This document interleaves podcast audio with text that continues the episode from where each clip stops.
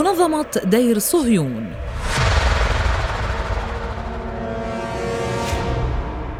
المنظمة الأقدم والأشد ضراوة في التاريخ وشخصيات بارزة كانت في طليعة قياداتها ليكون مبدأها نسف المعتقدات الكاثوليكية والمسيحية. يقال أن هذه المنظمة أو الأخوية هي المؤسسة لفرسان الهيكل ليتم اكتشاف كل شيء عنها بالصدفة البحتة.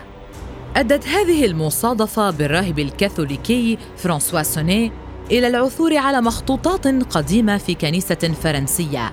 كانت فحوى هذه المخطوطات ترتبط بمريم المجدلية عام 1891 فخلال عمل الراهب اليومي قام بتحريك حجر المذبح داخل الكنيسة فاكتشف أن إحدى دعاماته كانت مجوفة حيث وجد فيها أربع مخطوطات غريبة تتعلق اثنتان منها بعلم السلالة والنسب. أما الأخريات فكانت خطابات مكتوبة في ثمانينيات القرن السابع عشر ليأخذ الراهب ما وجده إلى رئيسه ليضعها الأخير بدوره في المعهد اللاهوتي في باريس. كان في المعهد أخوية تسمى أصحاب القديس ساكرمنت. التي كانت واجهة منظمة تدعى دير صهيون وليدركوا وبسرعة حقيقة تلك المخطوطات. كما قيل فإن سونيير لم يكتشف المخطوطات فحسب بل اكتشف كنزاً أدر عليه الملايين. فقام بتحديث طرق المدينة وزودها بشبكة مياه كما وبنى برجاً أسماه مجدلة نسبة لمريم المجدلية.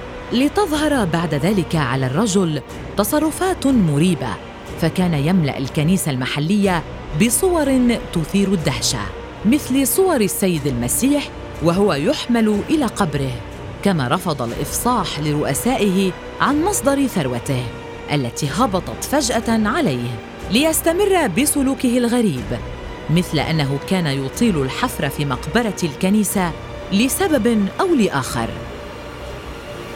شعر سوني بدنو أجله فاستدعى كاهنا للاعتراف له.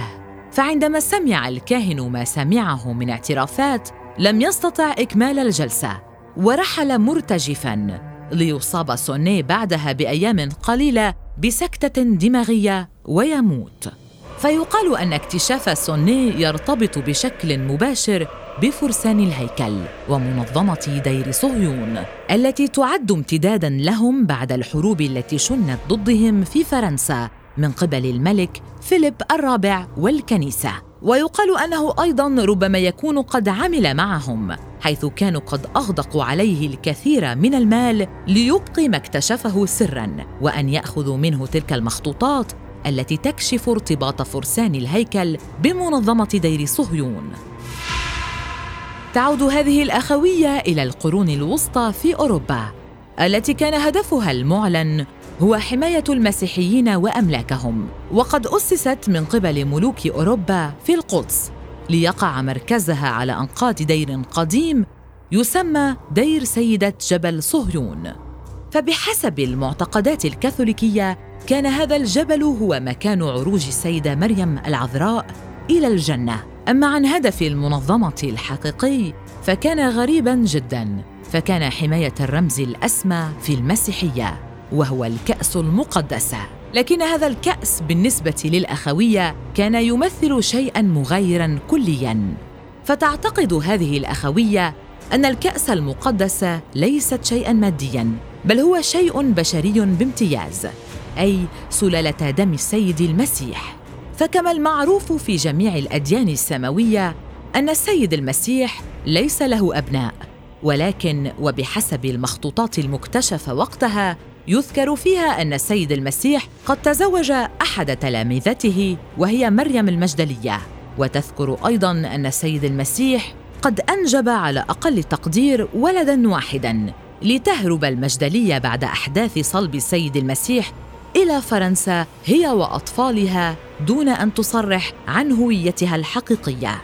لتتغير الأحداث بعد أن قامت إحدى بنات المجدلية أي بنت السيد المسيح بالزواج من أحد ملوك فرنسا الأوائل لتحكم سلالتهم فرنسا وبعض أجزاء من أوروبا. لتنطلق في عهدهم الحملات الصليبية وتقع القدس تحت سيطرتهم لتأخذ أخوية دير صهيون مهمة حماية الدم المقدس من الخطر الأكبر ضدهم وهم المسيحيون والسلطة العليا.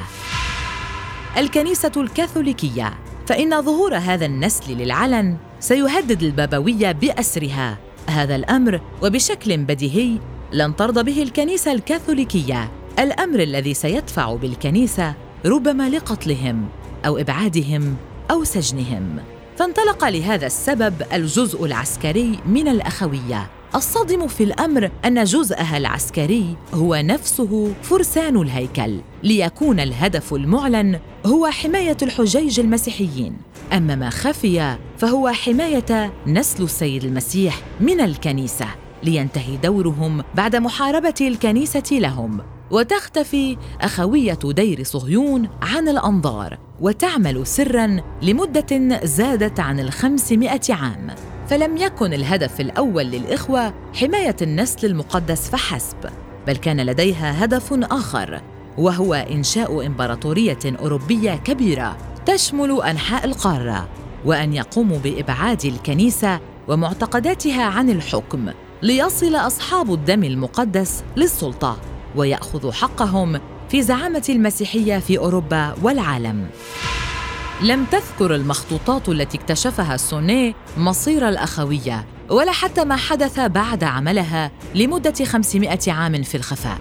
لكن المخطوطات أشارت بشكل واضح إلى أسماء منتسبين لها مثل ليوناردو دافنشي الذي يقال أنه انتسب للأخوية في آخر تسع سنوات من حياته.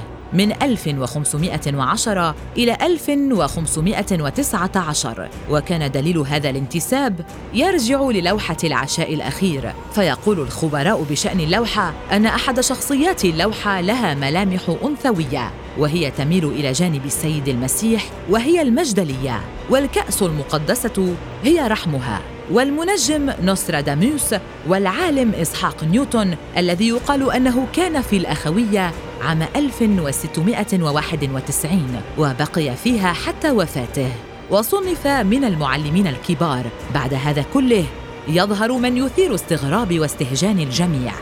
بيير بلانتيرد وهو المنتسب الأخير للجمعية كما تقول المخطوطات الموجودة في المكتبة الفرنسية. حيث قام الأخير بإنشاء جمعية عام 1956 باسم أخوية صهيون. وقال أنها جمعية خيرية متخذة المعتقد الكاثوليكي كمعتقد رسمي لها حيث كانت الجمعية تضم ثلاث أفراد فقط وهم أندري بونوم رئيس الجمعية بيير هو السكرتير والكاتب روبر شارو الذي لديه اعتقاد بأن الفضائيين قد زاروا الأرض ووضعوا فيها المعرفة. وبعد سماع بيير لقصة الراهب سوني قلب الأخوية إلى أخوية دينية. تدعي أنها امتداد لدير صهيون القديم منصبا نفسه كآخر معلم لها. وادعى أنه من سلالة المسيح. لتفتح الشرطة الفرنسية تحقيقاً دل على أن بيير قام بوضع المخطوطات في المكتبة الفرنسية وأنه هو من كتبها. ومن ضمنها أسماء المنتسبين لها لتعثر الشرطة الفرنسية على كل شيء في منزله ومنازل شركائه ليعترف أنه اختلق كل شيء. فريق من الباحثين أجرى فحوصاً على المخطوطات الموجودة في المكتبة الفرنسية لتصل لنتيجة أنه لا يوجد لمنظمة أو أخوية اسمها دير صهيون لا الآن ولا قبل 500 عام. ورغم اعتراف بيير لا زال هناك اعتقاد بأن الأخوية حقيقة والنسل المقدس موجود. ليدفع بدان براون بكتابة كتاب دافنشي كود الشهير الذي حرمته الكنيسة. ليبقى الجدال قائما إلى يومنا هذا.